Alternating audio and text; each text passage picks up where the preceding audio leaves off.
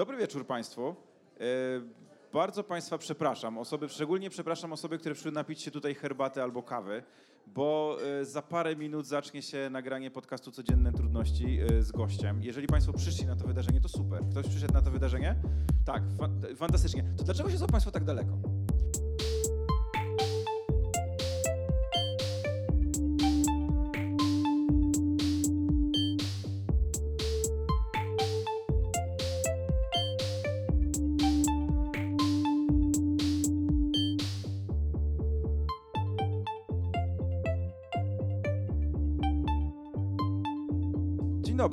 Państwa bardzo serdecznie w kolejnym e, odcinku podcastu Codzienne Trudności. E, podcastu, który witam Państwa zgromadzonych przed odbiornikami, w słuchawkach, w samochodach, ale witam także Państwa e, zgromadzonych na publiczności w kawiarni Big Book Cafe. Dzień dobry Państwu. Bardzo dziękuję za te spontaniczne brawa. E, Tłum jest rzeczywiście e, spory, chociaż nie udało mi się przekonać wszystkich osób, żeby zasiadły w e, pierwszych dwóch rzędach. Ale ten tłum nie przyszedł dla nas, nie przyszedł dla Teatru Improwizowanego Klancyk, przyszedł dla naszego gościa. Doktor Jakub Sieczko. Dzień dobry, witam bardzo serdecznie. I jeszcze raz prosimy o wielkie brawa. Jeszcze, Dobry wieczór, tak. anestezjolog, ratownik, harcerz. Tak, wszystko się zgadza. Znaczy, będziesz mówił do mnie, panie doktorze, teraz Tak, ja przez cały wieczór? w ogóle mamy takie pytanie, bo Krzysztof ma takie znamie z tyłu. Jak ja bym mógł Gdybyś- zobaczyć, e, ten przegląd znamion po prostu chciałem. To w czasie podcastu po prostu Dobrze. rozmawiając, jakbyśmy mogli to Jak zrobić. ktoś państwa zgłosi jakiś problem zdrowotny jakby w- podczas nagrywania, jestem gotowy się nim zająć, także nie ma, nie ma Dobrze, problemu. będziesz, będziesz ratował osoby na publiczności również.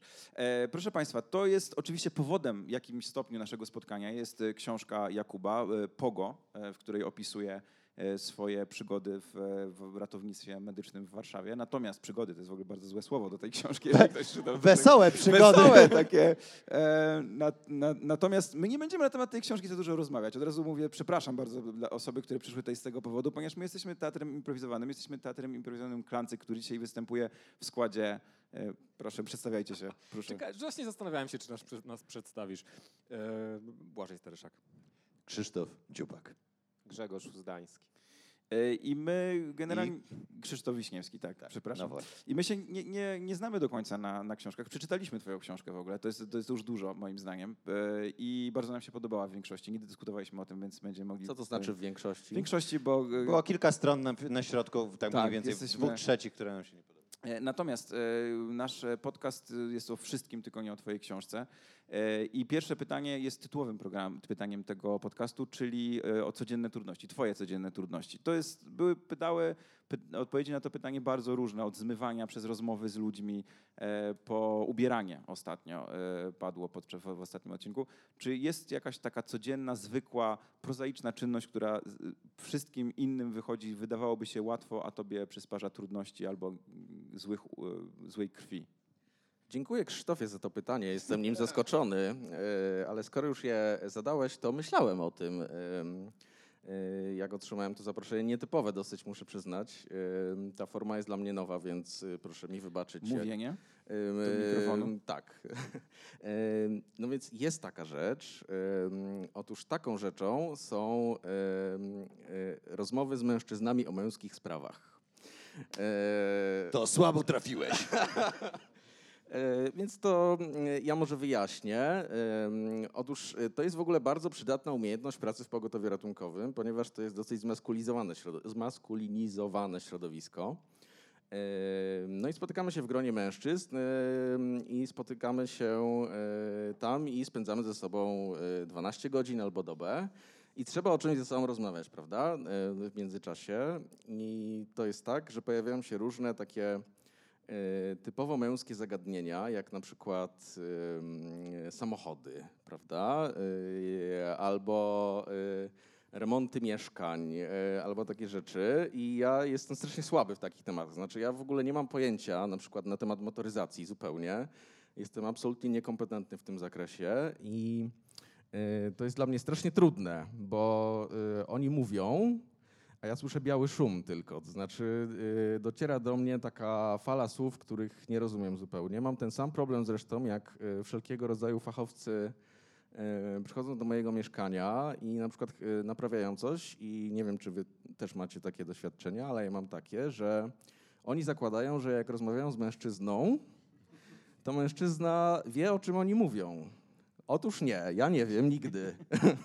nigdy zupełnie. I, ym, albo jak na przykład jadę do warsztatu samochodowego, bo mój samochód się nie zeps- y, bo mój samochód się zepsuł, przez co rozumiem, że słabo jeździ na przykład. Yy, No i oni tłumaczą, że sytuacja jest skomplikowana, ponieważ problem jest ze stworzeniem wahacza na przykład. Yy, No, Zdarzało, komu się to nie zdarzyło, tak? No właśnie. yy, I yy, Ale no, to nie wymieniłeś tego wcześniej? W sensie, dlaczego musiałeś... no, wła- no i to, no i to, nie? Ale to, to ja podpytam cię o twoją strategię w takim razie. Czy jakby rżniesz głupa, mówiąc e, kolokwialnie, czy, ym, czy udajesz, że no, kiwasz w głową na przykład tym fachowcom, którzy mówią o zaworach i o, o, tym, co trzeba zrobić? Kiwam głową absolutnie i y, próbuję udawać kompetencje, ale mam też taką myśl z tyłu głowy wtedy, że może sobie to odbije na pacjentach kiedyś. E, ponieważ nie wiem, czy jakby Państwo mają takie doświadczenia, albo Wy macie takie doświadczenia, że też nie jest rzadkie, kiedy spotykamy się z lekarzem e, i mamy jakiś problem zdrowotny, to oni też tak mówią trochę, nie? E, I tak sobie myślę, dobrze, ja tutaj e, porozmawiam z panem i będę udawał, że wiem o co chodzi, ale potem jak przyjdzie do mnie pacjent, to też zasypię go e, mnóstwem trudnych słów i on zupełnie nie będzie rozumiał o co chodzi. Ale mam strategię absolutnie rżnięcia głupa i jakby idę w to absolutnie Ale Wróćmy na chwilę do tych pacjentów. Jakby co, dlaczego odbijasz na pacjentach to, że ktoś ci mówił coś o samochodzie? No bo jakim prawem ten pan do mnie tak mówi? Czy, czy człowiek ma stworzeń wahacza? Co jest Co, stworzeniem co jest wahacza stworzeniem wahacza ludzkiego Powinieneś, ciała? powinieneś to wiedzieć. Powinienem, to prawda. No Myślę, że z nas to ym, mamy taki trochę podział, że wy pewnie trochę lepiej wiecie. O czym? No, remonty mieszkań i części. Przeżyliśmy ich wiele. E, e, Krzysztof e, Dziubak jest wy- wybitnym majsterkowiczem Dajcie i, spokój. i, i mechanikiem, a my z Grzegorzem chyba raczej jesteśmy na tym podobnym spektrum, e, czy końcu spektrum co ty. I Ja ty przynajmniej. dalej, bo na przykład ja nie mam prawa jazdy, a ty masz. Prowadzisz samochód, bo powiedziałeś, że jeździsz z nim do mechanika. Ja na przykład jak czasem jeżdżę w taksówce i taksówkarz coś tam mówi takiego typu o, ale tu jeżdżą beznadziejnie, coś tam, trzeba innym pasem. I ja wtedy mówię, tak, trzeba innym pasem. E, I udaję, że też prowadzę. A na, Więc- na kim to sobie odbijasz potem? Bo to, Właśnie to, to się jest musi wydarzyć. To jest najgorsze, że my nie mamy akurat żadnych kompetencji. Nie, Tak, tak, nie mamy takiej sytuacji, czas gdzie możemy sobie Kiedyś to miałem zawód quasi opiekuńczy jako nauczyciel w gimnazjum. Czyli na Wtedy dzieciach mogłem sobie odbijać Na na dzieciach, to dzieciach, ale teraz to już nie, teraz już niestety nie, więc teraz co najwyżej nie wiem. Na osobach bliskich. Nie no, żart. E, w ogóle nie. Możemy, E, możemy mówić do zwierząt pewnie, e, tak. bo one nas rzeczywiście nie rozumieją. e, I to jest chyba to, to taka jedyna, mm, jedno miejsce, gdzie mogę sobie odbyć, mówiąc skomplikowane rzeczy do kogoś, kto nie zrozumie. Ale męskie tematy są rzeczywiście y, trudne. Ja się, y, wydaje mi się, że ja się nau- mój ojciec kiedyś mnie y, uważał, że mężczyzna powinien się potrafić wypowiedzieć na każdy temat. To i, jest bardzo wielu polskich mężczyzn, którzy reprezentują Widać, ten to w, te- widać to w telewizjach informacyjnych, moim zdaniem. że- Jedynym sposobem jest zawężenie puli tematów po prostu. Udawanie, że wiele tematów nie istnieje. tak, i on, Wtedy. on wręcz był, kiedyś była taka seria książek, jak blefować o czymś, jak blefować o winie, jak blefować o no, na najróżniejsze rzeczy, o komputerach. Myślę, że o samochodach też musiała być e, tego typu wersja, bo to, to, bo, bo to bardzo rzadko jest, mm, trafiasz rzeczywiście na osoby, które są, mają absolutną wiedzę. Czy akurat twoi koledzy z e, karetki wiedzieli rzeczywiście na, na ten temat? Nie Ja nie wiem, ja nie wiem, prawda? Bo znaczy, no to tak jak trafiamy do lekarza i on mówi dużo trudnych słów, tak? Ale my nie wiemy, czy on mówi prawdę w gruncie rzeczy.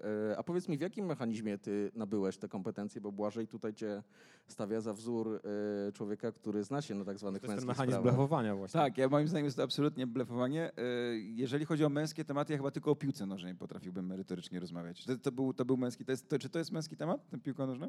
No ja akurat na piłce nożnej się znam i to jest jedna z moich guilty pleasure, więc Aha. o tym można, ale może źle trafiałem w tym pogotowiu, bo trafiałem zwykle na chłopaków, którzy akurat piłką się nie interesowali, tylko samochodami, porozmawiajmy o tym. Ale w książce jest opis karetki, taki samochodziarski wręcz bardzo. Musiałeś zrobić research do niego, bo tam jest o przebiegu, jest o... no jest marka wymieniona, też jest... E, to jest już, To już dużo. Wow, Błażej, to rzeczywiście, to jest jakby... To już Błażeja onieśmieliło trochę. Wydaje mi się, że jak, jak ktoś przechodzi tylko od tego momentu, e, tego e, etapu, gdzie ocenia, czy identyfikuje samochody kolorami, to już potem każdy etap wyżej jest jakąś, jakąś specjalizacją. Znaczy, wydaje mi się, że wyjdę z tego spotkania wzmocniony w gruncie rzeczy, tak? Znaczy, jeżeli, y, bo na- nie, marki rozróżniam, tak? Y, Nie, to, y, to tak. Wiesz co, ja spisywałem to, co oni mówią po prostu, nie? I, i działało. Natomiast, no może ty mówiłeś o wychowaniu też, że twój ojciec troszkę jednak na to naciskał. Mój ojciec na przykład był z frakcji jak świecisz, nie? Nie wiem, czy znacie tą frakcję. Y, Tak? Stojąc, stoisz z latarką nad osobą, która nurkuje pod zlewem Tak. i próbujesz złapać taki kąt, żeby były oświetlone Otóż- niemożliwe dwa, dwa obszary. Otóż ja zawsze źle i być może to był ten moment, w którym zorientowałem się, że w tych y, czynnościach technicznych nie bardzo y, tkwi moja przyszłość, ale widzę, że Grzegorz chciałby coś powiedzieć na ten temat. A, właśnie, chyba wydaje Ja pokazywałem Krzysztofowi, że nie chcę mikrofonu, ale skoro już go mam, to e, jakby nie, no to może w sumie na, naprawdę w tym momencie nie mam nic do powiedzenia, poza tym, że faktycznie rzeczy techniczne, a mm, Ale zgodnie z y, tym, co mówił ojciec Krzysztofa, powinieneś mieć teraz coś do powiedzenia Tak. na każdy temat. tak, więc tak, ja mam do się. powiedzenia. No, b- kwestie kompetencji technicznych są ważne e, w społeczeństwie, które narzuca to mężczyznom. E, Dziękuję. Mm, Czyli to jest ta strategia do ogółu, do ogółu bardziej. A jakie są jeszcze inne strategie, Krzysztof, jak mógłbyś szybko powiedzieć? Na przykład ktoś właśnie mówi, no w kule w wahaczu to poszły. Y, I, znaczy, szyb, I masz, wiesz, czas zgadza, leci. zgadzanie się. Mhm. Znaczy moim zdaniem To z polskim mówisz? fachowcem najlepiej działa zgadzanie się. W sensie, A jakieś parsknięcie, może zaczynasz od parsknięcia, mówisz, pff, wahacze. Albo no, albo Albo wahacze. panie, co pan? Tak, no nie wiem, ale wydaje mi się, że to jest różnie, bo y, znaczy właśnie stra strategie. Mm, moja strategia jest taka, żeby się zgadzać i udawać, że tego oczywiście, że tak, tak jest, pewnie, pewnie, że to, to tak wygląda. I ja nie wiem, czy ona jest słuszna. Przy, jakby przy układaniu kafelków w mojej pierwszej łazience ewidentnie się nie sprawdziła. To jest takie, że on chciał iść na łatwiznę i jakby nie, ja tego nie zauważyłem, więc... y, A w ogóle mam ciekawą uwagę. Sam ją oceniłem jako ciekawą. Otóż e, wydaje mi się, że. Bo tutaj w ogóle są dwa rodzaje sytuacji. Jedna jest taka, kiedy mam do czynienia z szeroko rozumianym fachowcem, który nas zasypuje tym niezrozumiałym dla nas słownictwem. A druga jest sytuacja, od której zacząłeś, czyli taka sytuacja towarzyska. Jakby, że i na- nawet mnie to ba- chyba bardziej mnie interesuje niż to, jak sobie radziłeś z fachowcami i, albo radzisz, jak sobie radzisz właśnie w tych sytuacjach towarzyskich, czyli kiedy na przykład w tejże karetce po raz kolejny jest temat samochodów albo jakiś męski inny temat i na przykład ty masz poczucie, że no niewiele możesz na ten temat powiedzieć, to co w takiej sytuacji robisz? Y, milczę. Y, po prostu milczę i y, ta rozmowa się toczy. Oni uznają, że mają do czynienia z beznadziejnym przypadkiem po prostu. I y, potem wszyscy milczymy. Potem współpraca w zespole układa się źle, nie lubimy się, tak to się mniej więcej rozwija. I odbija się to na pacjenta. odbija się to na pacjentach.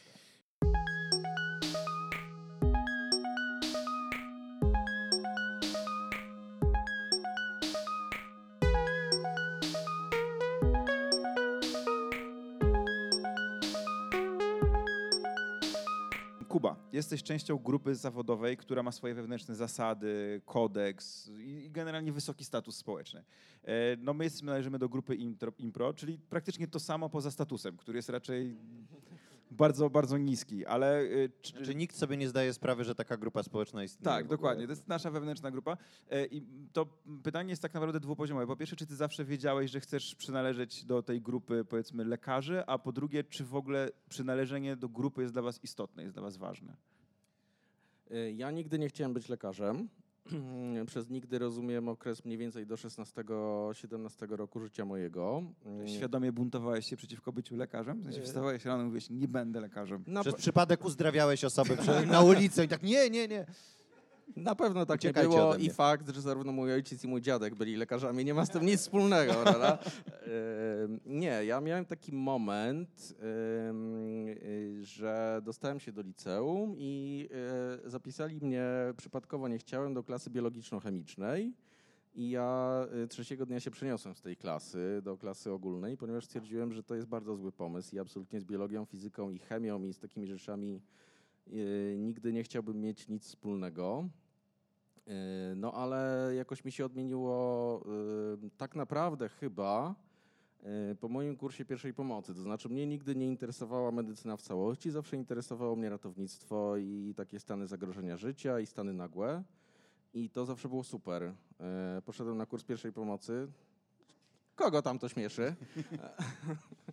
E, Kogo śmieszy ludzka śmierć? No proszę bardzo. Proszę, Ratowanie pod... życia, żart, to Grzegorz. żart, to żart. E, Nie, nie potępiam tej osoby. Eee,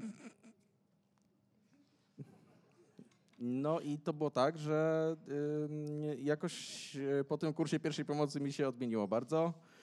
Yy, i Stwierdziłem, że być może warto kogoś wyciągnąć e, czasem z tych objęć śmierci i, e, i, i to jest fajny pomysł na życie. Znaczy, że to może być fajny pomysł na zawód, żeby, mm, e, żeby zajmować się czymś, co ma sens. O, może tak. Wy nie macie takiego doświadczenia, prawda? Śmiech, śmiech jest wspaniałym lekarstwem, które ratuje, ratuje życie. Tak uważamy. O, i tak było. Wielokrotnie wyciągaliśmy żartem ludzi z objęć śmierci. Już y, ktoś miał zawał, na przykład mówiliśmy coś bardzo głupiego i no, osoba mówiła, nie, nie mogę umrzeć w tych warunkach, będę żyć dalej. To by było poniżające umrzeć przy tak głupim żarcie.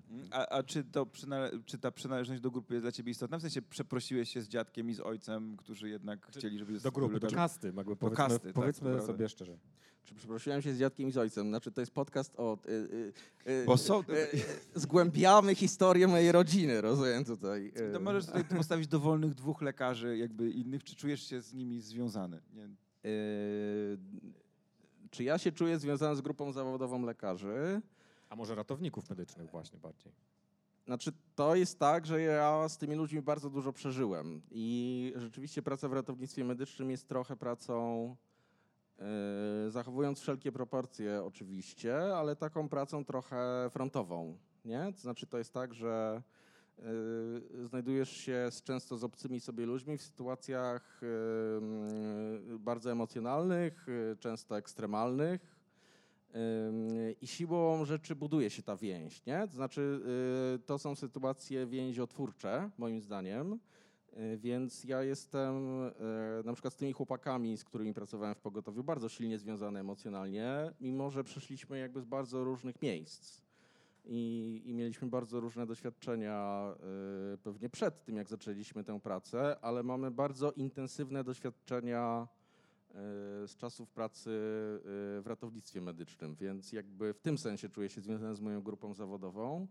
Jak mnie pytasz o grupę zawodową lekarzy, to ja nie mam entuzjastycznej opinii na temat polskiego środowiska lekarskiego generalnie. Znaczy uważam, że jest tam wielu bardzo wspaniałych ludzi i, yy, i wielu wspaniałych ludzi poznałem, ale yy, czasami yy, jak słyszę negatywne opinie na temat tej grupy zawodowej albo Ym, ktoś czuje taką potrzebę, żeby mi przekazać cały swój ból z kontaktem z polskim pracownikiem ochrony zdrowia, to nie jestem, że tak powiem, znaczy to, to nie jest tak, że zupełnie nie wiem o co tej osobie chodzi. O, może tak. Rozumiem. Y, Mogę jeszcze zadać jedną, proszę.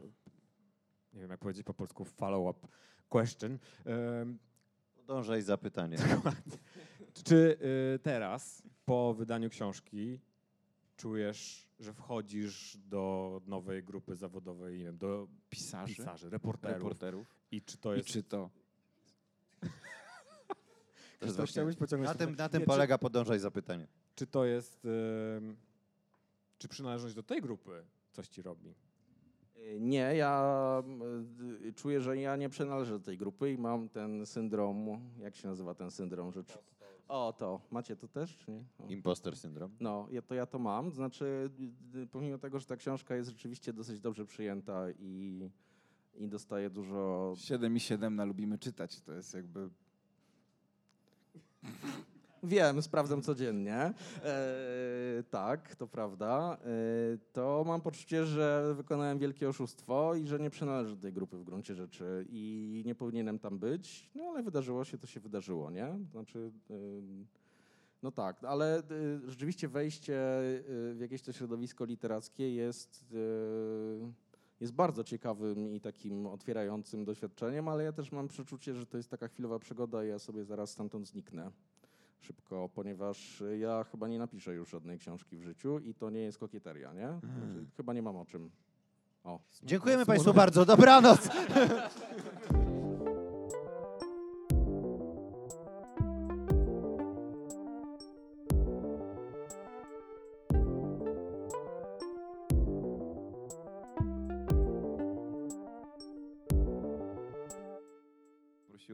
żeby przygotował dla nas e, quiz, e, którego tematykę e, może, może już ty po prostu o niej opowiesz. Quiz jest, to, to nie będzie zask- zaskakujące dla Państwa, jest medyczny. Gracie o żadną nagrodę oraz wszyscy ja jestem z Kubą w drużynie i on... Nie musicie się, możecie, możemy tak zagrać drużynowo, możecie odpowiadać indywidualnie jak chcecie. Jest kilka pytań, mają różne struktury, więc za każdym razem będzie inaczej. Myślę, że jak zaczynamy mówić o medycynie, to powinniśmy zacząć od początku, więc pierwsze pytanie dotyczy Hipokratesa, e, który, który powszechnie uważany... Ja powiem Państwu też, że jeśli faktograficznie coś się nie będzie zgadzać w tym quizie, to jest tylko wina wikipedystów. E, To jest główne źródło e, informacji w quizie, które wykorzystujemy. Em, Hipokrates, Hipokratesowi zawdzięczamy wprowadzenie takich, e, takich pojęć jak e, diagnoza, rokowania. E, To on był pierwszą osobą, która zwróciła uwagę na e, profilaktykę i higienę jako coś, co wpływa na, na stan naszego zdrowia, ale również zasłynął tym, że wyróżnił cztery podstawowe soki w naszych organizmach, płyny, humory. Pomarańczowy, ananasowy, grejpfrutowy i Jest dosyć blisko, bo ja wymienię trzy, a proszę was, żebyście zgadli, jaki był ten czwarty. E, więc tymi czterema podstawowymi sokami e, są krew, śluz zwierzęcy, żółć oraz... Strzelajcie. Łzy. Nie.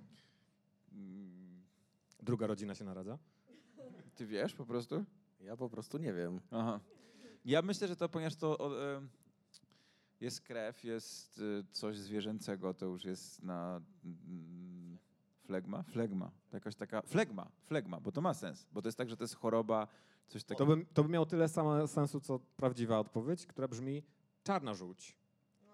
To jest Czarna żółć żółć? i czarna żółć. Czarna żółć? O, oczywiste. też Em, Hipokrates był bardzo obłudny, bardzo takim był, był, był hipokrytą. Em, E, Przejdźmy zatem do kolejnego słynnego lekarza, nadwornego lekarza Zygmunta Starego. Znamy jego imię? No właśnie, to jest pytanie konkursowe. Jak się nazywał? Mm, Pierwsza podpowiedź, żył w latach 1510-1568. A, to wiem. To było wtedy dwóch lekarzy. Podpowiedź więc jakby- druga jest patronem kardiologii. No, to już, Oraz e, podpowiedź trzecia, imię miał jak Stalin, a nazwisko jakby chował głowę w piasek. Józef Struś. Tak jest, brawo dla Grzegorza. Szybko poszło, świetnie. W którym roku, wiedziałem to przed tą czwartą podpowiedzią. Wiedziałem to od początku. w którym roku świat poznał szpital w Leśnej Górze, A sko- skąd serialu ludzie na wtedy dobre i na wiedzieli, co złe. to jest struś za, za Zygmunta Starego? prawda? Być może on wyprzedził swój dysygnat, to znaczy no, to nazwisko przyszło nie, nie wiadomo skąd, że był I- i potem- I potem kury zaczęły ewoluować, zaczęły im rosnąć szyje, zaczęły się rozrastać potężnie i powstały strusie w ten Tego nie sposób. wiemy. Mhm, tak Pytanie było. numer trzy. W którym roku pojawiło się w telewizji na dobre i na złe najsłynniejszy polski szpital w Leśnej Górze? 2006. Nie, za Dziewię- późno. dziewięć- Nie, nie, nie. 97. To, to jest serial, bez którego nie zostałbym lekarzem, więc... e, Nawet bardziej niż dziadek i Forma- ojciec. Tak, tak, Formacyjne znaczy naprawdę, doświadczenie. to- Zatem w którym To roku? było ważne. Kochałem się w Doktor Zosi mniej więcej w 2001. Więc ona wtedy Przez musiała, ile sezonów? musiała już... No mamy 2022, więc jeśli dobrze liczę, 21. Ym, Ten serial cały czas jeszcze jest emitowany? Tak. Tak, ale oni wielokrotnie chyba zmieniali Tak. tych głównych bohaterów. Bo Zosia, Brunon i Żmijewski byli Bruno, tylko nie przez parę... Brunon. Bruno, przepraszam. Byli tylko przez parę sezonów. Dziękuję. y, Stawiałbym na rok 2000. Blisko, 1999. Kto z Państwa wiedział? Nikt. Telewizja umiera. Ale jakbyśmy zaczęli nucić piosenkę, to wszyscy by zaśpiewali, prawda? Zróbmy to razem. Na dobre i na złe. Nie? Dlaczego nie? Tego, proszę. E, pozostając w tematyce seriali medycznych, chciałbym, żebyście teraz e, dopasowali bohaterów do tytułów amerykańskich seriali. E, I jakby z, to nie są też najnowsze produkcje, ponieważ wtedy oglądałem telewizję jeszcze. Doktor Doug Ross. No, IR. Czyli ostry dyżur. Ostry dyżur, Zgadza tak, się, tak, Krzysztof tak. jeden punkt. Oglądam właśnie teraz, więc jest. Doktor James Wilson. E, Dr. House. Wilson Bardzo- Story. Nie, bardzo dobrze. Wilson Krzysztof, Chronicles. Dwa punkty. oraz Też to wiedziałem, tylko po prostu nie mam takiego refleksu. To, jest, Okej. to nie jest na wiedzę, to jest na refleks. dr Dougie Hauser. Doogie Hauser. Dobrze, Krzysztof. E, serial Dougie Hauser. Że zebrałeś mikrofon Grzegorzowi. Pełni Dougie Hauser lekarz medycyny? W polskiej wersji tak, to prawda. Punkt dla Grzegorza. Odebrałeś mi punkt, gratuluję. Na koniec quizu mm, e, zadanie w typie familiady. To znaczy musicie znaleźć odpowiedzi, które znalazły się na, na tablicy. Wpisałem w okno wyszukiwarki Google e, frazę lekarstwo na. I Chciałbym, żebyście je dokończyli, zobaczymy, czy, zobaczymy, czy strzelacie tak jak to, co wyszukują najczęściej internauci. Lekarstwo na. Na Polskę. Polska to jest to, co chciałem powiedzieć. Nie ma takiej odpowiedzi. Ból głowy. Nie. Wątrobę. Nie. No to będzie w ogóle nieśmieszne, ale obawiam się, żeby jest w tych wyszukiwaniach e, raka. Jest, ale nie na najwyżej, ale jest A. rzeczywiście. Punkt dla ciebie. Kaca. Nie. Na COVID. Nie? Na COVID, bardzo dobrze. Najwyżej jest, najwyżej jest COVID? Nie. Miłość. Tak, to jest najwyżej punktowana A. odpowiedź. Lekarstwo e, na miłość, ale jeszcze... Jaki jest wynik, e, Błażej? y, Ja powiem tylko, że mamy jeszcze w, w takiej kolejności. Lekarstwo na miłość, lekarstwo na życie, lekarstwo na zmartwienia, to mnie bardzo e, A. e, wzruszyło. Lekarstwo na życie CDA. Lekarstwo, lekarstwo na miłość CDA, lekarstwo na wszystkie choroby, lekarstwo na zatoki i lekarstwo na ból zęba. Tak wygląda pełna, Lekarstwo na miłość. pełna lista. E, myślę, że e, Krzysztof, Jakie jest, jakie jest lekarstwo na miłość Bożej? Kredyt? nie wiem, ponieważ nie korzystam z serwisów pirackich, takich jak, jak Związek. CDA. E, ciem, ciem.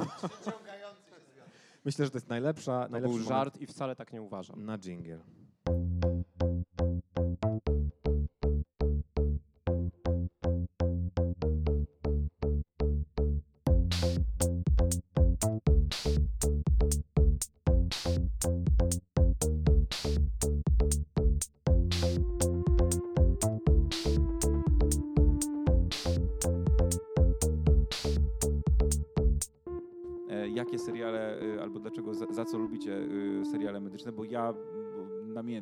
Oglądam seriale medyczne. Rzeczywiście to jest mój, jeden z moich ulubionych rzeczy, jak mam podczas nieprzespanych nocy. To właśnie jest, jest to. Kuba, możesz zacząć. Ja nie oglądam seriali medycznych teraz już w ogóle. Mm, Natomiast na dobre i na złe było doświadczeniem formującym, dlatego że ono- e, jakby opowiada o świecie, który nie istnieje, e, a w Polsce to bardzo nie istnieje.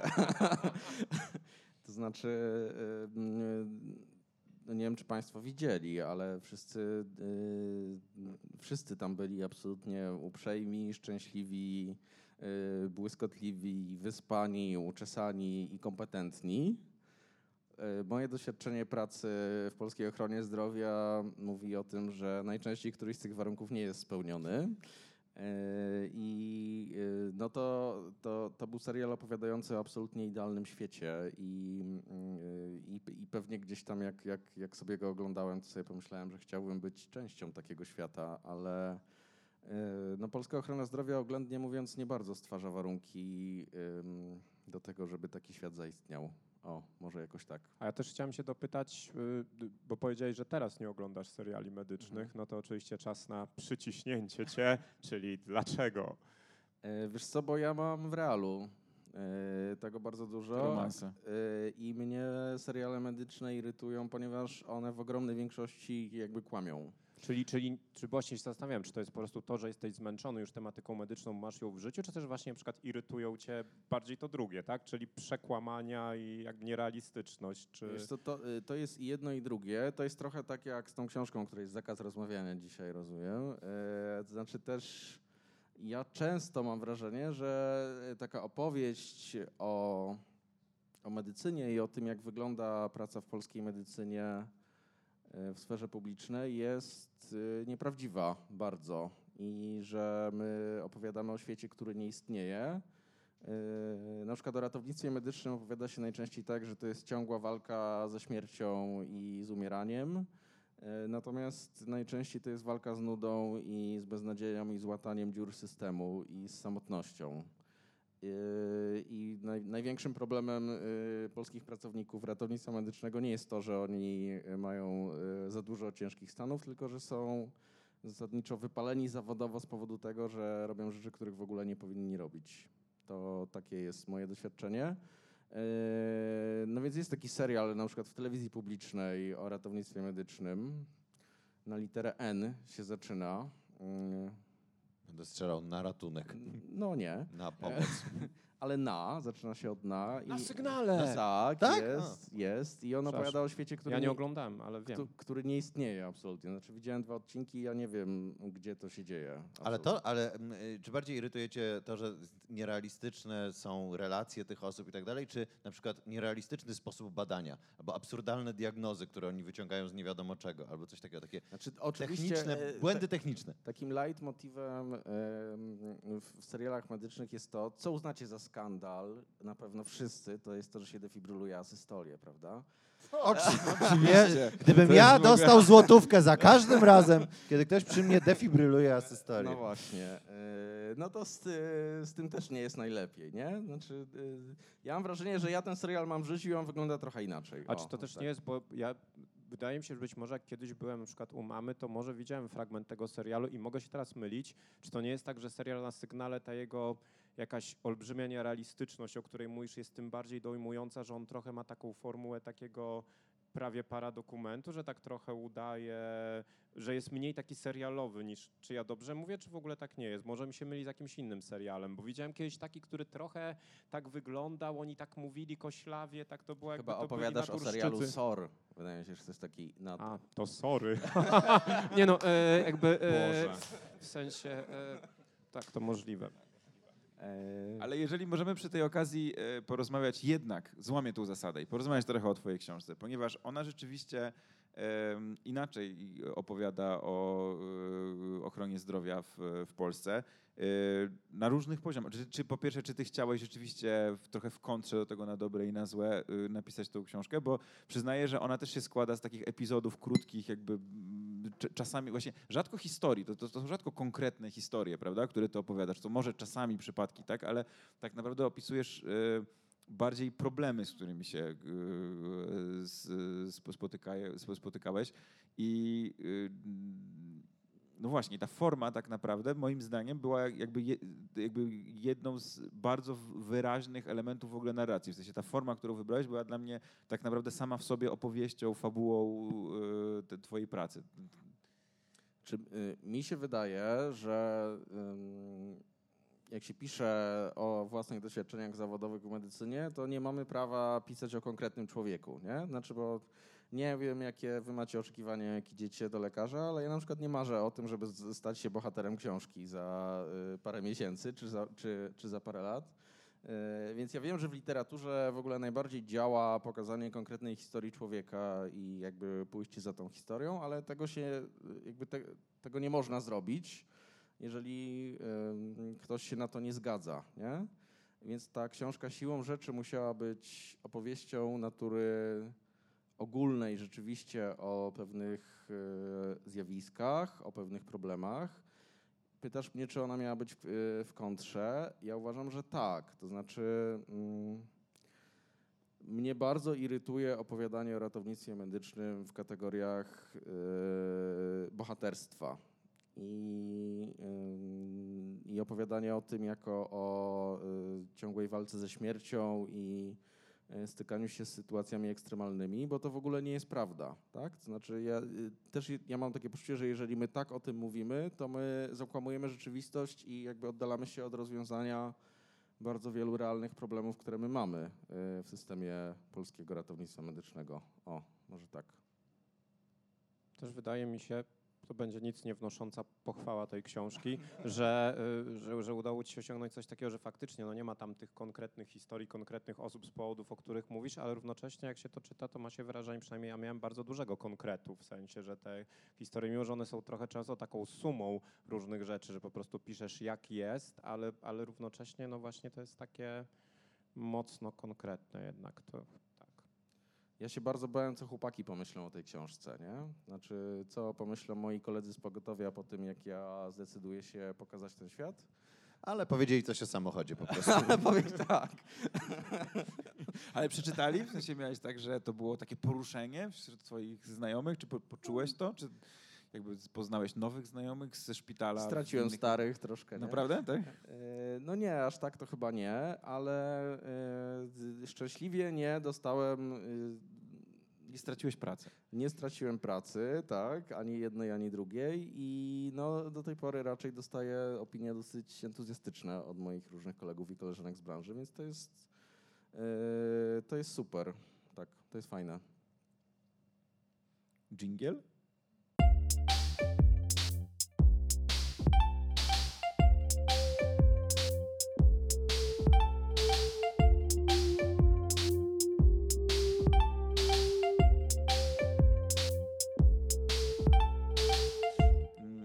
Dosyć e, na, na chwilę porzućmy tematy medyczne. E, Poprosiłem Krzysztofa, żeby e, przygotował tematy tygodnia, tematy aktualności właściwie. Mamy dwa tematy do wyboru, proszę Państwa. Akurat się dużo dzieje i z nostalgią wspominam inne czasy, w których kiedyś nagrywaliśmy nasz podcast, kiedy trzeba było pomyśleć, mój Boże, co może być tematem tygodnia? Nic się jakoś nie dzieje. Hmm. Teraz nie ma tego problemu, ale to mają być e, nietraumatyczne i pozamedyczne tematy, więc wybrałem nadal, nadal dwie rzeczy, które się... Hmm? Tak, Że to co? proszę, proszę. Proszę, proszę, kontynuuj. E, Dobrze, E, podbijemy ten żart w montażu twój. Wydarzyły się dwie bardzo ciekawe rzeczy. Po pierwsze, Facebook zaczął em, bankrutować z powodu tego, że zainwestował w wirtualną rzeczywistość. Tak się wydarzyło. Mark Zuckerberg wsadził ogromne pieniądze w coś, co Nie E, istnieje. Coś, co nie istnieje, bo z już Dosłownie, samej tak. definicji, prawda? Em, ale też e, przestrzelił bardzo. Myślał, że wszyscy zaczniemy em, przez pandemię i przez to, że byliśmy w domu, że zostaniemy w tych domach, Przepraszam, będziemy w ci tych goglach siedzieli. Muszę ci przerwać, Tak. bo widziałem genialny nagłówek a propos tego Mhm. artykułu i nagłówek był taki, że właśnie Zuckerberg e, ze względu na to, że właśnie źle zainwestował, musiał, zwo- musiał zwolnić bodajże 30 tysięcy Nie, je- pracowników. 11, 11 tysięcy tysięcy. pracowników Tak. i powiedział, że całą odpowiedzialność bierze na siebie. tak, wziął tą odpowiedzialność. Więc zanim się w to zagłębimy, dlaczego? E, Czy to ma w ogóle sens? Czy wirtualna rzeczywistość w ogóle może mieć jakikolwiek sens? Czy to jest kompletna bzdura? Coś mu się, coś się chłopu wydawało? To jest temat Pierwszy numer temat, jeden. okej, mhm. A temat numer dwa jest taki, że, e, drodzy Państwo, w e, ubiegły wtorek, czyli wczoraj, staliśmy się wspólnikami 8 miliardów ludzi na Ziemi. I co ta jest 8 miliardów ludzi na Ziemi, co to wam robi? To jest drugi temat. To jest teraz drugi temat. co Tak się wydarzyło. Teraz w ogóle pytanie w ogóle skąd Bardzo mnie zmyliła konstrukcja zdania, że Staliśmy zostaliśmy się wspólnikami. wspólnikami. Jesteśmy współodpowiedzialni. Błażej, jesteśmy współodpowiedzialni za tą planetę z 8 miliardami. Bałem się, że źle zainwestowaliśmy jakoś. Te inwestycje, o których, ci, Czy- e, o których ci pisałem, zapomnij o tym. E, ponieważ 8 e, miliardów ludzi czy wirtualna Tak, mamy, rzeczywistość? mamy Wybór należy do Państwa was. na publiczności, mogą Państwo zdecydować e, brawami. Kto chciałby, p- żebyśmy porozmawiali o wirtualnej rzeczywistości? Nikt. Nikt, fajnie. Kto o 8 miliardach ludzi? 8 miliardów Nikt!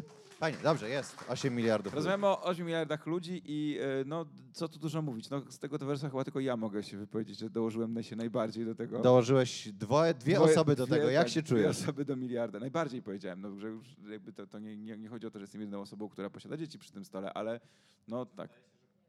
Mamy dwójkę, ty, no tak, Tak. ty masz też dwójkę. Mamy ty, my z Kubą się Tak. e, Dlatego, dołożyliśmy dlatego usadziliśmy was tutaj po prawej Tak. stronie obok siebie. Proszę się wytłumaczyć. E, Gdyby nie wy, byłoby Ale czy to e, źle, 7 że się- miliardów 900. Tak. Mniej.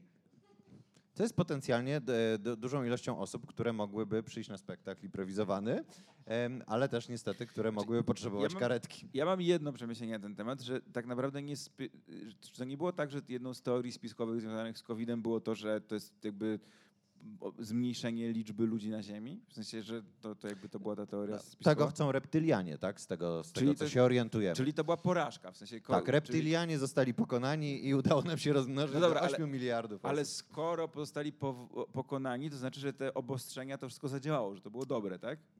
To było, do, to było dobre. Czy to Ludzie zadziałało zostali zamknięci w domu, jak w stanie wojennym i zaczęli się mnożyć. E, Stąd też, stąd też, no takie było pokolenie, taka fala po stanie wojennym w Polsce urodz- urodzeń. To my. To tak. To my, tak? E, To my i, i właśnie to samo chyba się wydarzyło, no bo e, skąd inaczej ta, ta piękna okazja. Ja to mam problem z więcej niż czterema osobami naraz. No, ale, więc, więc właśnie. No, więc jak, jak mnie pytaliście, znaczy jak tak sobie myślałem, co odpowiedzieć e, na temat tego, e, ym, z, z czym mam codzienne trudności, to generalnie e, z relacjami z większymi grupami, więc... Patrz na nas tutaj, nie patrz tam na te osoby, które siedzą na sali. Tak, no więc e, 8 miliardów to bardzo dużo. Ja, nawet 4 to bardzo dużo moim zdaniem. Ale czy to dobrze, czy źle, że są 4 miliardy? Bo ja nie do końca Osiem. rozumiem. 8, przepraszam. No właśnie, tak. no jest taki news, no jest taki news, wszyscy powiedzieli, o, to ważna, e, ważna rzecz. Był No taki to, no to, licznik, tak? Że, Hmm? że jest licznik. Czy my na pewno, no właśnie, jeśli też w ogóle się zastanawiam, wiemy- skąd, skąd my dokładnie wiemy, wiemy, że czy to jest 8 miliardów? policzone, czy jest jakiś... Czy te chipy To, już jest, zostały to zainstalowane? nie jest policzone, to po pierwsze. To jest estymacja. Y, Przy okazji w odcinku z Pauliną Wilk, y, proszę sobie odsłuchać, to chyba dwa odcinki temu, em, rozmawialiśmy o tym, że o czym Paulina napisała w swojej książce, że, e, że Indie nie są w stanie przeprowadzić spisu powszechnego, ponieważ jakby metodologia nie jest w stanie nadążyć. Więc Bo się cały czas rodzą nowe osoby i... tak, znaczy nie ma, nie ma po prostu fizycznie sposobu, żeby spisać z wszystkich ludzi. W związku z tym to, że to było we wtorek, to nie jest prawda tak naprawdę. Znaczy, jest jakaś, jakaś oczywiście szansa, że to rzeczywiście było we wtorek to było super, ale to trochę tak jak nie wiem, milionowy pasażer kolei, wiecie, dostaje balonik Ale to akurat tam jesteś- darmowy. Nie, chwileczkę, to jesteś w stanie policzyć te numery so- na biletach. czy a co 8-miliardowy dostaje- obywatel Ziemi coś dostał? No właśnie, co to jest dostał? kluczowe. A jeżeli nic nie dostał, to co powinien dostać, waszym zdaniem? Kto miałby zdecydować o tym, w którym kraju? No, rozumiem- Reptylianie. Co ile, co ile rodzi się e, nowa osoba? Czy w tym artykule było? To pewnie jest kilka sekund, prawda? Że E, Co, na, na, w czołówce takiego serialu lekarskiego, który oglądałem jako dziecko, było, że co sekundę rodzi się i umiera człowiek. To było w czołówce serialu To fabularnego, więc To, z to pewnością by oznaczało, jest że to nie rośnie prawda. liczba jakby. Tak? A może...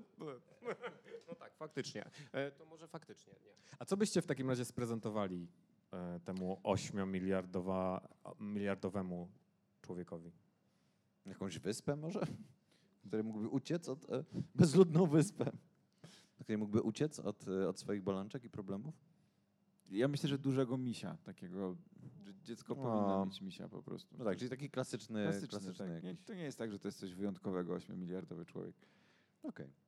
Czyli po prostu chcesz zabić jego samoocenę już na początku. Czyli podszedłbyś do tego dziecka i powiedziałbyś, to nie jest nic wyjątkowego. To jest w ogóle jakiś błąd statystyczny. W Indiach to jest niepoliczone. Nie jesteś wcale 8-miliardowym człowiekiem. Niech ci się nie wydaje, że jesteś kimś wyjątkowym. Tak? No, a czy to nie jest tak, że jakby trzeba dzieciom od razu pokazywać realność? świata, Realne, jakby? jak, to, jak, to, jak to realnie, e, realnie działa. Dlatego ja właśnie czytam Pogo mojej córce na, na dobranoc. Żeby... Nie, nie, nie robię tego, proszę nie, Państwa. nie, nie, nie.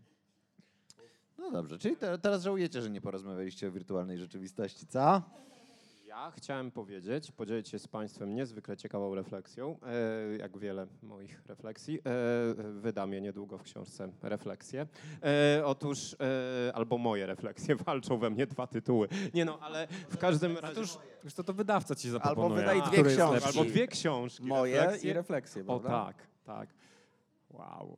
To będzie taki koncept album, że będą, nie, nieważne. E, ale w każdym razie to co, to, co czasami sobie myślałem, to to, gadałem o tym ze swoją dziewczyną, że mm, ona, ona jakby tak realistycznie podkopywała ten pomysł, jeszcze Państwo nie wiedzą jaki, e, mówiąc, że na przykład wtedy zupełnie inaczej świat byłby zorganizowany, nie byłoby mnóstwa produktów, które mamy i w ogóle to by wyglądało inaczej Jaki gorzej. jest pomysł? E, Pomysł, jest, e, pomysł był taki, że mi się wydawało, że zasadniczo tak naprawdę jakby było na przykład 10 tysięcy osób na świecie, to to już byłoby dużo z Jesteś mojej reptylianem. perspektywy. E, Jestem z reptylianinem. E, W sensie, że, że to jest naprawdę dużo. W sensie 8 miliardów to już jest w ogóle niewyobrażalne, a 10 tysięcy osób to by było całkiem sporo. I oczywiście zgadzam się, że gdyby było 10 tysięcy osób, to świat wyglądałby zupełnie inaczej i dużo byłby w pewien sposób uboższy, chociaż nie byłby zagrożony kryzysem klimatycznym, bo, a, no i tak Nie dalej. wiesz, co by robiły te osoby. nie? tak, Paliłyby ogniska. Każda mogła mieć fabrykę. Tak, ich, ich, ich kultura polegałaby na paleniu. też. Ale w pewnym sensie 10 tysięcy osób to już jest taka mnogość, że i tak by się w ciągu swojego życia nie poznało wszystkich dobrze i to i tak jest jakoś tam... Czy ty właśnie zasugerowałeś, żeby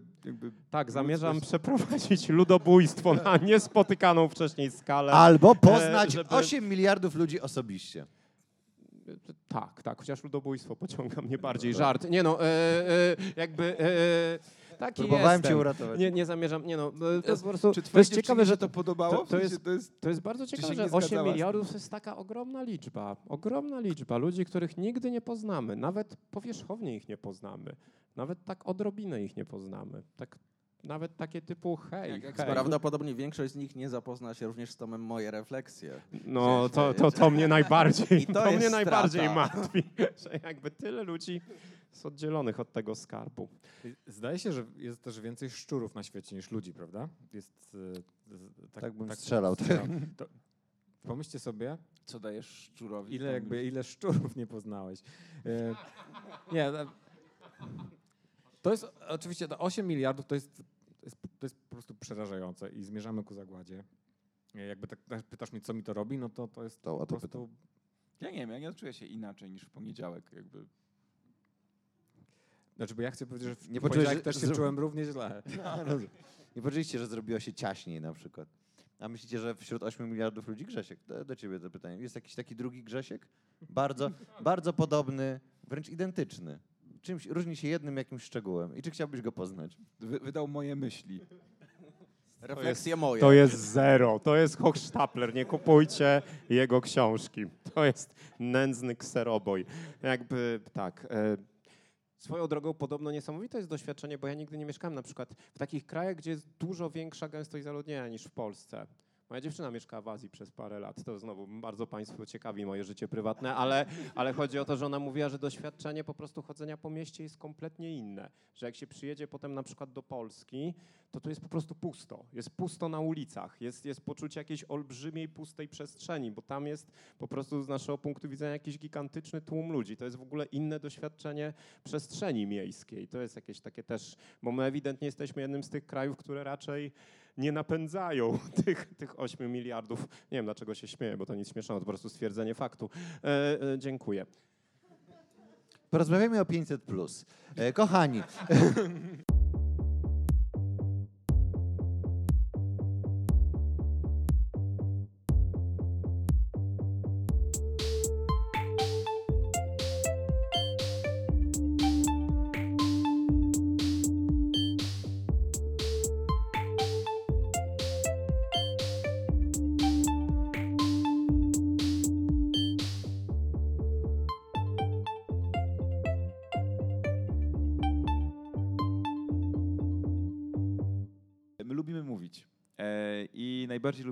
moment w e, podcaście, kiedy to gość może zadać nam e, pytanie. E, Więc Kuba, to jest ten moment, kiedy to ty możesz zainicjować rozmowę na jakiś temat. Tak, ja cieszę się, że Błażej wspomniał o Guilty Pleasures, bo chciałbym was trochę o to zapytać. Bo panowie występują w teatrze. Kolega jest nawet dyrektorem teatru, z tego co się orientuję. Kolega napisał kilka książek. Yy, No my z zro- nie mamy żadnych Nie osiągnięć. wiem. póki co 40 na karku, no jak, jakoś to idzie. Mam Wy, psa. wy jesteście sympatyczni. E, no więc y, chciałbym, żebyśmy troszkę odkryli prawdę. To znaczy, chciałbym was zapytać o wasze mm, y, guilty pleasures dotyczące kultury niskiej albo bardzo niskiej. Znaczy, czy są takie rzeczy... mm, No ja wiem, że y, y, Nasze prawdopodobnie... występy. tak? Prawdopodobnie każdy z was y, zaczyna poranek od lektury Ulyssesa, Joyce'a, a kończy Czarodziejską Górą, tak? Znaczy to jest, y, no ale czasem... W odwrotnej kolejności. No ale- tak. Czasem jest prawdopodobnie taki moment słabości i ja może chciałbym powiedzieć, co ja mam. O. E, bo ja na przykład lubię polskie country. O, bardzo Bardzo empatyzuję. grube, bardzo E, tak, Gang Marcela, y, Michał Lonstar na przykład. Więc może zanim ja was spytam o te guilty pleasure, to chciałbym Zna, was... poznałem e, Michała Ląsa. Poznałeś Michała Mój Lonstar'a? Ponieważ pracuję jako tłumacz i tłumaczył kilka e, konferencji, które organizowałem. Sądzę, że z angielskiego, bo Tak, jest dokładnie. zanurzony w kulturze raczej amerykańskiej. Tak się nosi Pozdrawiamy. przynajmniej. Y, no dobrze, to może... Za, słucha. Y, to was o te guilty pleasures chciałem spytać, y, takie kulturalne w ogóle. Co wy macie takiego... I y, wiecie, Hit Me Barbie One More Time to jest górny pułap, do którego możemy dojść. Niżej bym chciał. Ja mogę powiedzieć, ja bardzo lubię oglądać taki, takie teledyski, mm, które są zawsze takim samym teledyskiem, zawsze są artyści. To, to nie jest nazwa zespołu, tylko to jest seria takich ksywek w stylu z- z Bokas, e, Siwy, Ju- Jubol, coś tam. I to jest taki rap e, patriotyczny slash e, taki sławiący podwórko. Taki bardzo wykluczający różne osoby i tak dalej. To, to zazwyczaj wygląda tak, że jest bardzo dużo mężczyzn, którzy idą, mają jednego psa rasy agresywnej, nie mają koszulek.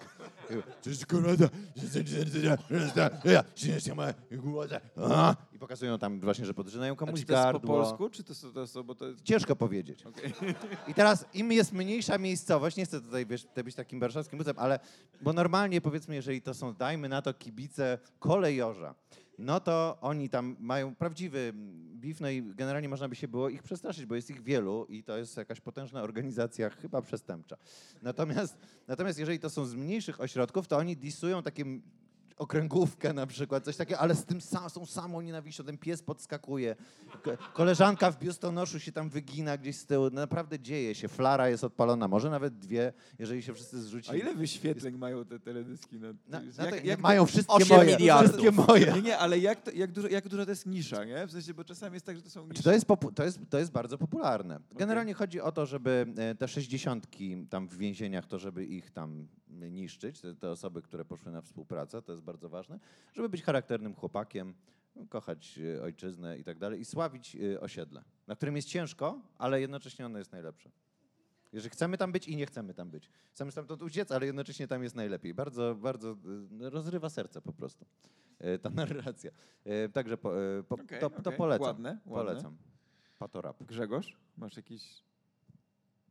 Y, No, y, ja na pewno lubię, to nie do końca jest kultura, ale jeżeli oczywiście weźmiemy, jeżeli weźmiemy szeroką, bo to raczej podpada pod dziedzinę sportu, ale jeżeli weźmiemy szeroką definicję kultury, prawda, e, to tak, znaczy, bo, bo, bo ja y, ze względu, y, jakiś to wynika z jakichś kompleksów jeszcze z podstawówki, ale w każdym razie od momentu, jak zacząłem uprawiać jakieś sztuki walki, to zacząłem też czytać różne fora dotyczące MMA, czyli mieszanych sztuk walki, gdzie ludzie się na przykład bo tam jest, często są fora i na tych, znaczy często są takie, są takie, jest takie strony, na przykład mmarocks.pl. To jest taki portal poświęcony MMA w Polsce. No i tam jest, tam Mam jest wrażenie, że dużo- on Przy będzie bardzo, jest sponsor- bardzo długo mówił. Eee, Sponsorem tego odcinka jest MMARocks.pl. Polecamy Państwu. Dobre MMA, dobre... Prawilne. Do, prawilne MMA. No i nie no, po prostu część artykułów, które oni komentują, to są takie, że ktoś wygrał walkę, ktoś przegrał, no i tam są jakieś tam komentarze, ale część jest na przykład taka, bo oni też trasztokują, czyli, e, czyli jest taka, że jakiś tam, jakiś gość przed walką mówi zniszczę cię śmieciu, a tamten odpowiada nieprawda śmieciu, bo to ja ciebie zniszczę. Więc to jest na tym poziomie. To są jakieś, czasami to też bywa jakieś seksistowskie albo homofobiczne, ale nawet nie musi być takie. Czasem może być po prostu, y, bo czasami to jest w Stanach i oni pracują dla UFC, największej organizacji chyba nawet takich stricte homofobicznych, to się często boją tam i bardzo dobrze, że się boją, ale no nie zmienia to faktu, że cały czas jest to na poziomie jakichś takich totalnych trzynastolatków piaskownicy. Najczęściej właśnie jest coś takiego, po jednym moim ciosie leżysz. Nieprawda, bo to po moim jednym ciosie leżysz i ludzie to komentują na przykład na zasadzie ha, ha, ha, ale lamus, przecież wiadomo, że to on leży po jednym ciosie, jakby, a pod nim komentuje ktoś, no widać, że nie trenujesz, bo i tak dalej. Ale Ja to, ja to twoje- czytam, ja to twoje- czytam, czyli- nie wiem dlaczego ja to czytam, Okej, to jest, są zmarnowane godziny, to jest jakby, w sensie to są puste minuty, w sensie, że ja po prostu czytam te komentarze. Ile czasu w tygodniu na to poświęcasz mniej więcej? E, e, no, e, kilkadziesiąt godzin. Nie, no nie, nie, nie, nie, nie, ale myślę, że każdego tygodnia uzbiera się spokojnie godzina. A może i dwie. Czytania tych, tych. Nie, nie, dwie to nie, ale godzina czytania tych komentarzy. I to jest już bez sensu, bo jeszcze oglądanie walk, załóżmy, no ma jakiś sens. To jest sport jak sport, no jakby oglądam sport, ale, e, ale, ale czytanie komentarzy, nie wiem po co ja to robię. Ja w ogóle też czytam komentarze na gazeta.pl o polskiej piłce gdzie wszyscy piszą tam Lewandowski nie strzelił i na przykład piszą, a wiadomo, ten drewniak nadaje się tylko do dobijania na pustą bramkę. Zawsze piszą to samo i ja to zawsze czytam. Oni to piszą dla ciebie, Grzegorz. E, Błażej, jakie jest twoje... Ja mam em, pewien kłopot z tym pytaniem, ponieważ Moje guilty pleasure jest nielegalne. Nie. em, z jednej strony, bo ja z, z, kiedy przy, przyszedł, dołączyłem do Klącyka, to była grupa mm, zanurzona mocno w alternatywną kulturę, miałem wrażenie wtedy. Em, wszyscy słuchali jakichś dziwnych zespołów, e, które występowały wyłącznie w jadłodajni filozoficznej i jakby, ja słuchałem i często do tej pory też słuchałem dużo polskiej muzyki popowej. E, I nie uważam tego za guilty pleasure, po prostu to jest coś, co, co lubię, więc jakby wykluczam tę sferę. Ale pomyślałem sobie, że mogę opowiedzieć o, o tym, że wpadam czasem w taką króliczą norę wyszukiwania coverów. I znajduję swoje ulubione piosenki z lat 90. najczęściej, bo wtedy jeszcze słuchałem muzyki. I wyszukuję coverów ukulele, e, coverów na chór, coverów zespołów a cappella, na przykład takich studenckich zespołów e, amerykańskich, które na YouTubie wrzucają jakieś Orła swoje... cień na chór na przykład? Orła cień może nie, Znajdziemy ale jakby dzisiaj. piosenka księżycowa na przykład to już lepiej, nie? Em, więc Warius Max raczej z Anitą niż z Kasią. Em, Totalnie. Semper Fidelis. Ani, Anita, em, jeżeli nas słuchasz, dziękujemy Ci za wszystko, za te wieczory. Za... Przepraszam. No i właśnie dlatego nie mówiłem o tym nigdy, bo czułem, że wy- wy- wystawiam się na szyderstwo. Ym, więc to jest to. Ja myślałem, jak zaczą- zacząłeś pytać o guilty pleasure i zanim powiedziałeś, że chodzi o kulturę, to miałem powiedzieć, że fare- farelka jest moim guilty pleasure, bo ja spędzam dużo czasu przed farelką, Ym, ale to chyba się nie łapie. Znaczy, w, szerokim, ty powiedziałeś o szerokim rozumieniu kultury, to rzeczywiście jest to zdobycz technologiczna ludzi. I ja Że po prostu się grzejesz przed farelką. Przed, tak, całe życie siedziałem przed farelką, maturę, do matury uczyłem się przed farelką. W łazience zdarzyło mi się zasnąć kiedyś na podłodze przed farelką. To jest coś, co ja lubię. Więc y, jestem ciepłolubny. Czy ktoś z Państwa ma farelkę i lubi swoją farelkę? Nikt. Te- Teraz to już bogactwo jest. Ale mam to parę. zaspokaja jak, jak, jakąś część twoich potrzeb kulturalnych, to obcowanie z farelką? To jest taki szum, No. który no, coś mi robi, nie wiem. No ja ostatnio dostałem też pewną diagnozę taką na temat mojego układu neurologicznego i może to jest coś też, co... Albo po prostu jesteś fanem muzyki Jestem noise. lekarzem, opowiedz o tym. To może przy innej okazji. Krzysztof. Y, Ja mam też problem, bo mam za dużo, znaczy du, du, dużo różnych y, takich rzeczy. Jak się, y, na- jedna, która ze mną została, którą mogę się podzielić, to jest, bo ja jestem fanem sportów bardzo różnych, bardzo wielu i czasami to mm, jakby nie, niespodziewanych. Na przykład potrafię oglądać Mistrzostwa Świata w Berka. Nie wiem, czy sobie zdajecie sprawę z tego, że coś takiego istnieje i to jest na... To, to istnieje, tak. E, Polecam bardzo. To jest bardzo dynamiczna dy, dyscyplina sportu, bardzo szybka. Też wch- wchowanego z kolei, bardzo długa, bo na, na, całej planecie jest jakby... Tego trwa- nie widziałem. Był taki sketch Monty Pythona. Oni, przepraszam. Ja jestem po prostu E, genialny z Monty. Ale to jeszcze, to jeszcze jestem w stanie gdzieś tam wytłumaczyć, bo nawet jeżeli to są dziwne dyscypliny sportu, to jednak one są gdzieś tam, to, to, to jest fajne. Natomiast je- jednego, co, co prawdopodobnie w naszym pokoleniu jest y, mało zrozumiałe, ale na przykład w pokoleniu już mo, na, na, moich dzieci już jest bardziej zrozumiałe, to ja u, na przykład og- oglądam e-sport. W sensie oglądam na przykład e, Mistrzostwa Świata w StarCrafta. I na przykład taka rozgrywka trwa dosyć długo, w sensie na tym ja potrafię oglądać na przykład mecz finałowy i zergowie. A co to jest StarCraft? Taka e, strategia Co czasu to jest e-sport w ogóle? No, e, e-sport to są po prostu e, jakby no, mistrzostwa, współzawodnictwo w grach komputerowych, o, w, to w ten sposób e, powiem. A StarCraft to jest strategia w czasie rzeczywistym, są trzy rasy, to jest uznawana za jedną z takich najdoskonalszych, i na, na, najlepiej wyważonych. z- E, Zaraz, zaraz. Chcesz powiedzieć, że najlepiej wyważone i naj... Która rasa jest najlepiej wyważona, twoim zdaniem? trzy razy? Ja się nie, ja się nie odzywam, razy. bo ja bardzo dużo grałem w StarCrafta, tak, także jest, e, jestem tak, z tobą. Tak, więc, e, więc Komu kibicujesz, Krzysztof? ja zawsze grałem terranami. Terranami. a Tak, no, to nudne, ja wiem, ale... Ja zergiem. Zergi- e, ta- Tak, no więc e, to było to. I to rzeczywiście po- potrafię wywołać na, naprawdę bardzo dzi- duże zdziwienie mojej żony, jak, jak właśnie siedzę i oglądam te, te, te mistrzostwa. Przypomniałem się jeszcze jedną moją rzecz, jeśli mogę się podzielić. No dawaj. E, Bo dos- dosyć masową też e, masową rozrywką są parki tematyczne i ja oglądam bardzo dużo, myślę, że tyle czasu, co Grzegorz ogląda walki, to ja oglądam przejazdy z punktu widzenia mm, osoby, która siedzi na, mm, w- atrakcji albo przejażdżce z różnych parków tematycznych na całym świecie. Kolejki, rollercoastery, tak zwane dark rides, trackless Dark rides. Y, Nie, właśnie zupełnie nie. To raczej jest rozrywka rodzinna. I to potrafi, to jest tam Jeździsz potem, fascynujące. odwiedz, odwiedzasz to, czy to, ci, to, czy to wystarcza po prostu obejrzenie tego? Czy myślisz sobie, kurde, Nie, pojechałbym no najczęściej to są tam, takie miejsca, tam. gdzie nie dotrę albo gdzie nie mog, jeszcze nie dotrę. Może kiedyś, kiedyś pojadę i sobie spoiluję trochę to, więc tak. Y, Bo ten wątek country tu zaginął troszkę, a ja bym chciał panowie jednak, żebyście, bo ja miałem dwa pytania, nie wiedziałem na które się zdecydować, więc zacząłem od tego Guilty Pleasures, ale czy wy bylibyście jakoś gotowi się włączyć w kulturę kowbojską ewentualnie, albo czy macie takie doświadczenia, co o niej uważacie? Jakby- Totalnie tak. Natychmiast, y, w każdej chwili.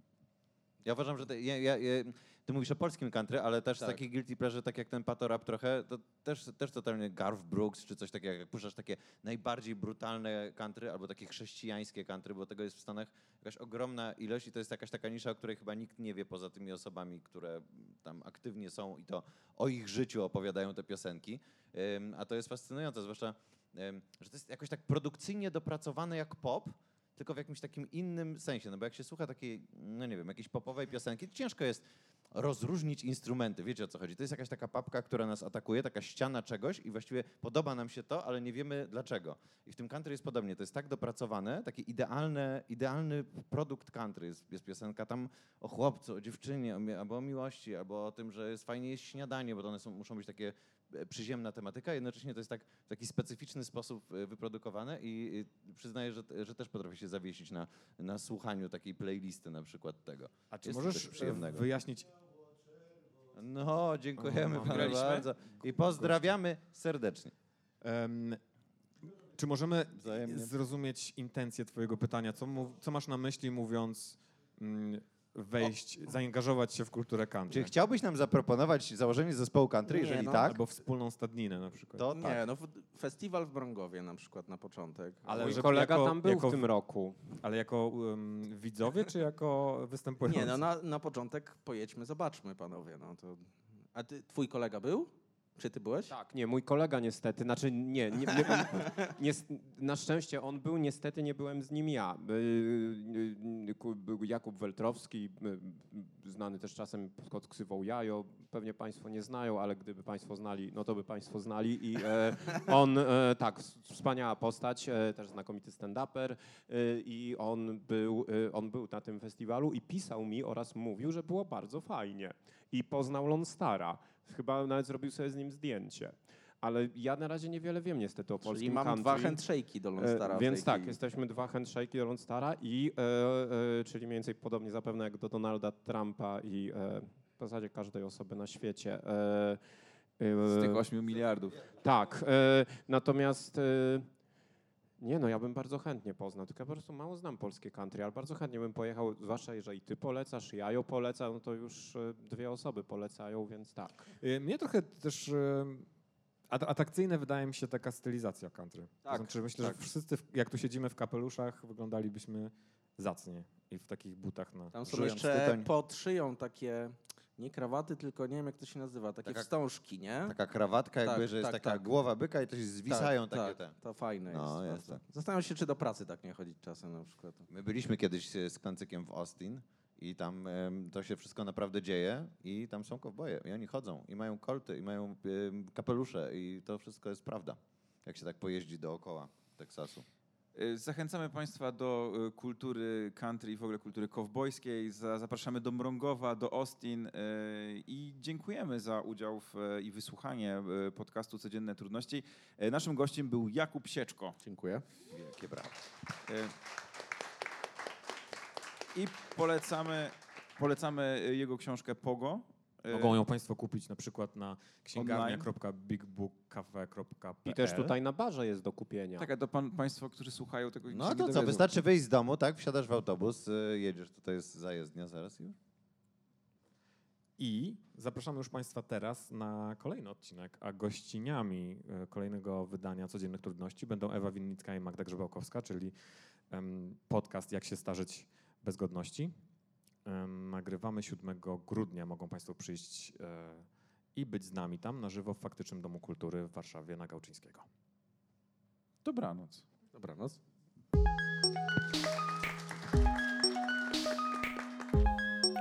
Dzięki za wysłuchanie codziennych trudności Teatru Improwizowanego Klansik. Będziemy wdzięczni, jeśli zasubskrybujecie ten podcast, a jeśli Wam się podobało, ocencie go proszę e, byle wysoko. Do usłyszenia.